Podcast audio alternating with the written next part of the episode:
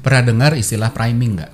Jadi uh, kalau belum segera cari tahu atau dengerin video ini sampai selesai ya. Anyway, uh, sebelum saya lanjut ya, uh, se semua video-video saya termasuk yang ini itu sebenarnya apa ya potongan kecil-kecil dari buku saya, buku Brand and Brand. Uh, kalau mau tahu lebih detail, mau punya catatan yang lebih lengkap, uh, bukunya sebenarnya bisa didapatkan di beberapa e-commerce ya. Detailnya ada di di di apa namanya di bagian terakhir di uh, apa di fast forward aja yang paling ujung tuh kalau mau cari tahu bukunya. Nah balik ke soal priming.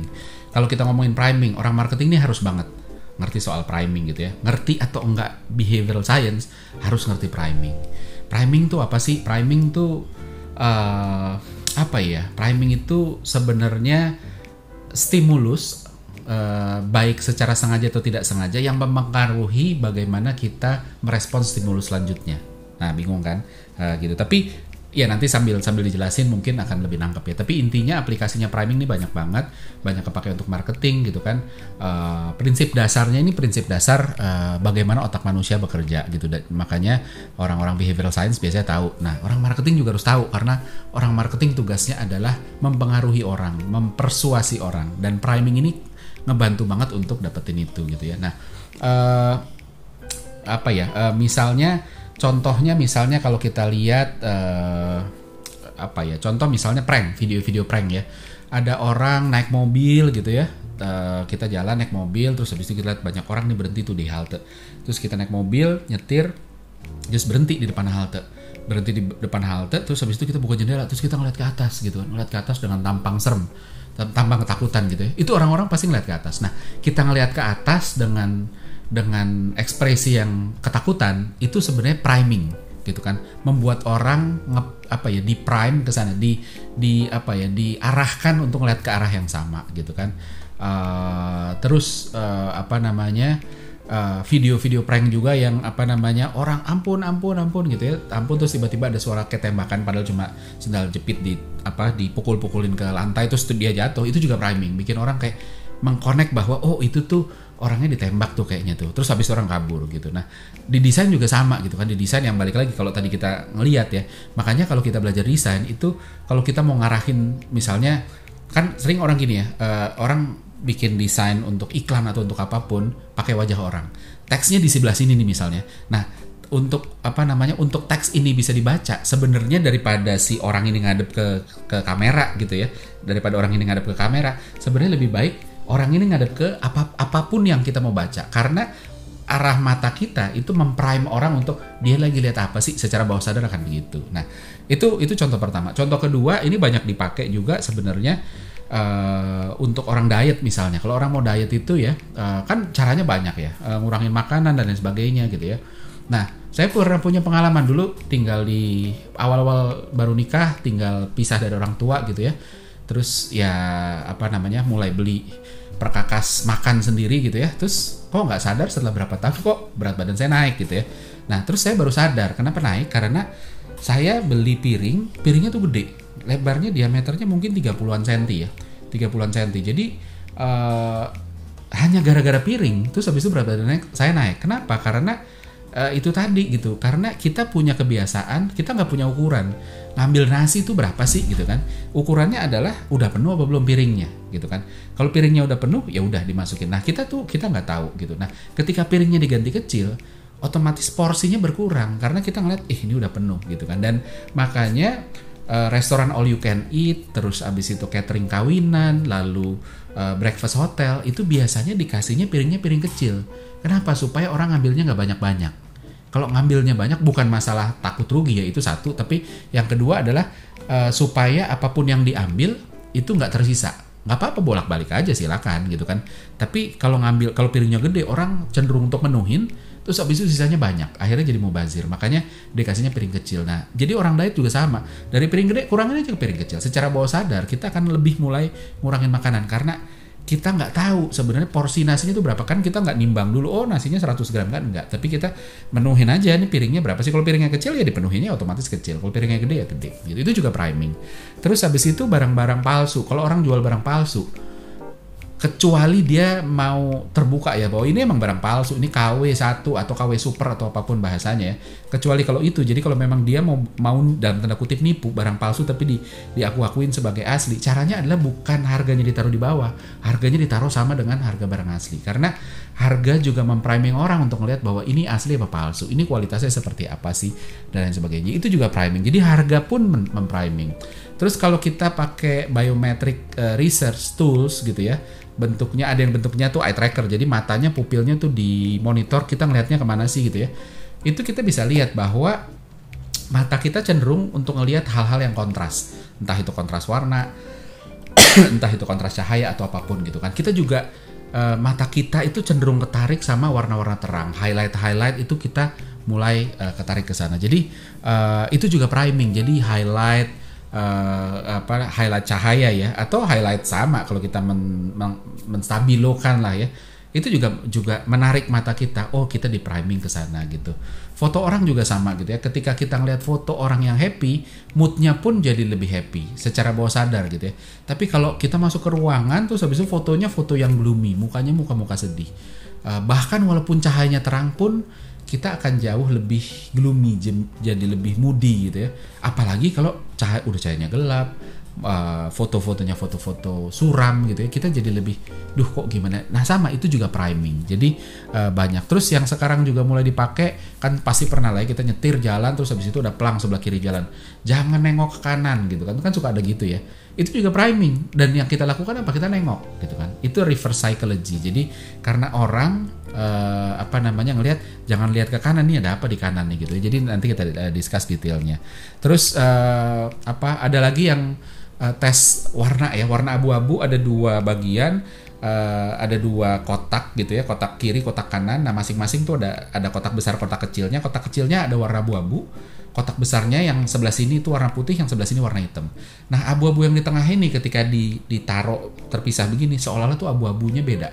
Tapi begitu ditarik, ditempelin, eh ternyata sama. Nah, kenapa begitu terpisah jauh itu ter eh, terasanya beda? Karena mata kita di priming sama kotak di luarnya. Kalau kotak yang keluarnya sini hitam, sehingga abu-abunya tuh terasanya lebih apa ya, lebih light Sementara ketika kotaknya putih, maka abu-abunya akan terasa lebih gelap karena dia me mengontraskan. Padahal dia sama aja sama. Jadi itu environmentnya juga mempriming. Kita terakhir kalau kita beli TV di mall ya, beli TV di mall di apa ya ya uh, swalayan elektronik yang di mall itu ya macam-macam ada Best Denki, Electronic City, Electronic Solution dan lain sebagainya. Itu kita suka bingung pilih yang mana ya kok kayaknya bagusan yang ini itu habis kita eh tapi yang bagus ini lebih bagus gitu ya nah Eh, model-model TV yang lain yang di pinggir-pinggirnya itu juga mempriming kita untuk melihat oh yang mana ya yang lebih bagus. Padahal kalau kita beli yang paling jelek pun dibawa pulang, kita nggak akan ngerasa itu jelek. Kenapa? Kalau di toko ada bandingannya lebih bagus sehingga kita bisa bilang oh ini jelek gitu kan. Uh, sementara apa namanya? Uh, sementara ketika di rumah nggak ada perbandingan jadi kita nggak tahu gitu. Jadi jadi bahaya banget itu. Nah kenapa uh, priming terjadi dan dan gimana bisa terjadi gitu ya? Pertama manusia tuh butuh untuk menilai gitu. Otak manusia itu selalu butuh make sense. Apa sih penjelasannya gitu loh. Uh, ketika ngeliat barang ketika mau milih barang uh, apa ini lebih bagus apa lebih jelek? Kita nggak bisa bilang oh ini bagus oh ini jelek. Kecuali kita ngerti banget barang itu ya. Tapi kalau nggak ngerti nggak ngerti ngerti banget biasanya kita butuh perbandingan sehingga kita selalu bilang oh ini lebih bagus oh ini lebih jelek oh ini lebih kuat deh oh ini. Tapi ya itu tadi gitu. Uh, ini relatif tuh perbandingan jadi nggak absolut gitu. Jadi benar-benar nggak nggak bisa gitu. Nah uh, apa namanya uh, di di otak kita di mata kita uh, kita nggak punya meterannya. Makanya tadi kalau ngomongin piring kita nggak punya meterannya. Berapa sih yang porsi nasi yang normal gitu? Kita ngelihatnya dari apa pun yang kita bisa nilai. Entah ukuran piring entah besar centong nasinya. Oh pokoknya saya dua centong nggak munjung deh misalnya. Karena ada ada perbandingan. Itu juga priming. Beli TV juga sama. Nah terus kedua otak manusia juga berusaha connecting the dot. Kalau kita masuk ke hotel, lobbynya aja bagus, gimana kamarnya. Nah, lobby itu mempriming untuk create persepsi di dalamnya tuh kayak apa gitu. Terus abis itu kalau kita ke restoran fotonya tuh kelihatannya menarik. Wah kayaknya rasanya oke okay nih. Atau sebaliknya, aduh fotonya aja nggak menarik gitu. Gimana kita mau menggugah selera. Jadi foto pun juga mempriming ke sana. Terus abis itu tadi juga sama. barang palsu, barang palsu uh, kita ya kita nggak yakin ini asli apa palsu tapi harganya kok normal gitu ya nah kita mulai mikir jangan-jangan ini asli gitu. Ini kayaknya asli deh masa palsu harganya segini sih? Pede banget dia. Nah itu dia. Nah uh, itu yang kedua. Yang ketiga yang juga uh, apa namanya ya ini ini penting banget. Uh, kita manusia itu kan selalu survive ya berusaha survive survival mode gitu ya. Seek pleasure avoid pain radar kita selalu aktif gitu kan. Uh, kita men selalu mendeteksi pleasure and pain gitu kan. Uh, termasuk ketika orang nengok. Begitu orang nengok terus ketakutan kita merasa bahwa wah oh, itu pasti ada sesuatu yang menakutkan sehingga kita perlu waspada. Ketika tiba-tiba orang rame gitu kan antri antri boba gitu. Wah, ini pasti enak nih. Jadi itu juga priming gitu karena kita berusaha mendetek ini pain sehingga kita harus kabur atau ini pleasure sehingga kita harus ikutan gitu dah. Nah, kius-kius ini atau petunjuk-petunjuk dari lingkungan ini itu uh, ngebantu banget gitu kan. Uh, apa namanya dan penting sekali termasuk juga itu menciptakan Zeigarnik effect namanya kalau orang nengok termasuk tadi ya jangan nengok ke kanan gitu kan ada plang. Jangan nengok ke kanan gitu kan. Uh, kita udah tahu sedikit bahwa ada sesuatu di kanan tapi kita nggak tahu itu apa. Itu buat otak itu menderita sekali karena otak nggak berhasil sense making. Sehingga padahal otak butuh untuk sense making supaya bisa mengerti ini pain apa pleasure gitu kan. Kalau pain saya kabur buru-buru kalau pleasure ya udah saya samperin aja gitu kan. Makanya kita akhirnya jadi nengok. Karena kita punya uh, apa namanya ya rasa penasaran itulah ya bisa dibilang kayak gitu. Nah Terus abis itu aplikasinya buat brand gimana gitu kan? Uh, yang pertama jelas dari tadi saya ngomongin soal create perception gitu kan. Uh, harga pricing itu ya jelas-jelas create perception gitu kan. Uh, bukan cuma harga gitu kan. Uh, apa yang penting gitu ya. Tapi uh, feature segala macam kan menentukan ya. Kemasan pun juga itu mempriming. Harga apalagi uh, orang akan mikir gitu. Kalau jelek kok berani charge mahal gitu ya. Kalau bagus kok murah. Orang mahal aja orang masih mau beli kok. Jadi itu juga bentuk priming gitu kan. Terus abis itu kalau kita lihat people nih kalau kita ngomongin di marketing mix 7P gitu ya. Pricing tuh di 4P. Terus di 7P itu ada people gitu kan. People contohnya apa? Ada satu brand bank gitu ya. Uh, yang warna merah bank, bank swasta gitu ya itu satpamnya aja ramahnya bukan main apalagi CS-nya nah kita mikir gitu kan wah baru masuk aja satpamnya ramahnya luar biasa gitu bukan pintu senyumnya tulus dan sebagainya. Masuk parkirannya juga udah udah disapanya hangat banget gitu kan. Nah, jadi kita mulai itu mempriming kita untuk uh, dalamnya kayak apa ya. Uh, terus habis itu uh, sama kalau kita ke coffee shop gitu ya, baristanya aja pede gitu kan, pede tampilannya juga sama ke kita, bukan kayak mbak-mbak gitu ya, bukan kayak mbak-mbak waiter, waiter. Jadi kita juga ngerasa, oh ini secara bawah sadar kita berpikir bahwa si baristanya aja kayak begini. Kopinya ini kayaknya dia bakal ngerti nih maunya saya gitu. Jadi itu penting. Nah terus sama dari 7P juga ada physical cues gitu ya, ya tadi saya udah singgung hotel gitu ya. Lobbynya aja bagus gimana nanti dalamnya. Uh, ruko fasadnya aja keren. Gimana dalamnya nih? Pasti juga uh, pelayanannya pelayanan oke okay nih. Jadi itu tadi. Jadi physical cues itu juga ngebantu untuk create perception dengan bantuan priming. Terus secara sosial juga sama gitu kan. Yang antri aja banyak gitu kan. Orang-orang aja banyak yang pakai. Ini pasti oke okay. Itu juga mempriming. Nah, terus yang kedua, set, uh, apa namanya selain bangun perception, kita juga bisa bangun brand association. Contoh kalau kita ngomongin soal uh, Jerman gitu kan. Jerman apa sih otomotif canggih, bebas ngebut, precise gitu kan. Bebas ngebut itu maksudnya kalau kita nyetir di autobahn kan no speed limit ya. bisa ngebut uh, sebebas-bebasnya lah gitu ya. Uh, terus precise banget orang-orang Jerman tuh precise detail banget gitu. Nah, sehingga kalau produk kita ditempelin bendera Jerman atau ditulis saja made in Jerman, itu mempriming, membangun asosiasi dengan prime bahwa wah ini uh, kalau produknya produk otomotif ini pasti bagus. Kalau produknya uh, teknologi, wah ini pasti oke. Okay uh, kalau uh, apa oh ini pasti precise gitu sama kalau Korea apa sih asosiasinya itu kan uh, drama K-pop putih kulit putih gitu ya sehingga kalau misalnya produknya produk makanan atau produk uh, film atau produk apa lagi ya uh, produk kecantikan mungkin itu jadi asosiasinya oh ini bagus nih dari Korea gitu kan. Padahal kita ya Korea juga nggak semua bagus gitu kan. Banyak juga yang nggak oke okay, Jerman juga sama gitu ya. Itu juga sama gitu. Jadi uh, ketika kita ngerti ketika kita bangun brand kita harus identify apa sih uh, brand-brand aset kita yang punya asosiasi positif sehingga kita bisa mempriming untuk men menciptakan asosiasi tentang brand kita yang sejalan sama sana gitu. Tapi nggak boleh dibuat-buat ya. Jadi uh, itu boleh. Nah terus selanjutnya uh, apa namanya uh, priming ini juga bisa ngebantu kita untuk menyusun atau me mengorkestrasi choice arsitektur. Choice arsitektur itu sebenarnya apa ya? Uh, sama kayak orang bangun rumah itu kan butuh arsitek gitu ya. Mengarsitekkan rumah itu kan. Kalau choice arsitektur itu mengarsitekkan pilihan, membuat orang uh, supaya orang mau memilih pilihan yang yang menguntungkan buat kita atau yang kita mau lah kurang lebih gitu. Jadi priming itu bisa ngedorong kesadaran termasuk tadi gitu kan. Uh, piring kalau kalau makan di restoran piringnya besar sama kecil kita punya kecenderungan piring besar aja deh yang diambil. Kenapa? Karena abis itu kita bisa muat banyak dan sebagainya.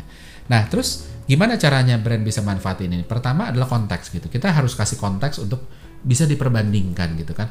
Menentukan titik yang netral uh, atau titik yang ekstrim gitu kan. Jadi kalau kalau kita apa namanya uh, kalau kita misalnya mau jualan TV gitu ya, terus habis itu kita mau nunjukin bahwa kita bagus gitu kan. Makanya kita cari. Orang butuh netralnya kayak apa sih? Orang nggak tahu titik netralnya kayak apa. Nah kasih sesuatu yang oh ini ada ada ada ada tiga ada tambahin dua opsi lagi dua opsinya yang di bawahnya sedikit sama di bawahnya banyak. Sehingga seolah-olah yang yang netral tuh yang di bawahnya sedikit. Yang ekstrimnya yang di bawahnya banyak. Sehingga kita bisa ekstrim uh, bagus banget seolah-olah gitu kan persepsinya. Terus uh, kita juga bisa uh, konteks itu bisa juga kita nempel sama brand. Kalau kita mau kelihatan superior ya tempelin sama kita banyak nempel sama brand-brand yang lebih lemah dari kita. Lebih lemahnya jangan jauh lebih lemah sedikit. Jadi kelihatan ih brand brand si ini tuh lebih keren ya gitu. Jadi itu juga sama. Atau juga bisa ya kayak tadi uh, menciptakan asosiasi gitu kan. Kita cari manfaatin memori yang udah umum orang ingat yang nempel tuh apa di kepala terus habis itu kita gunakan juga gitu. Tapi itu balik lagi harus sesuai realita ya. Nah itu itu penting. Nah terus grouping juga kita grouping. Nah berlawanan sama konteks. Kalau tadi konteks itu kan ketika kita ngasih konteks kita nempel sama brand yang tidak lebih kuat dari kita. Kenapa? Supaya kita kelihatan lebih superior. Kalau uh, itu tujuannya untuk ngasih konteks dan untuk nunjukin superiority.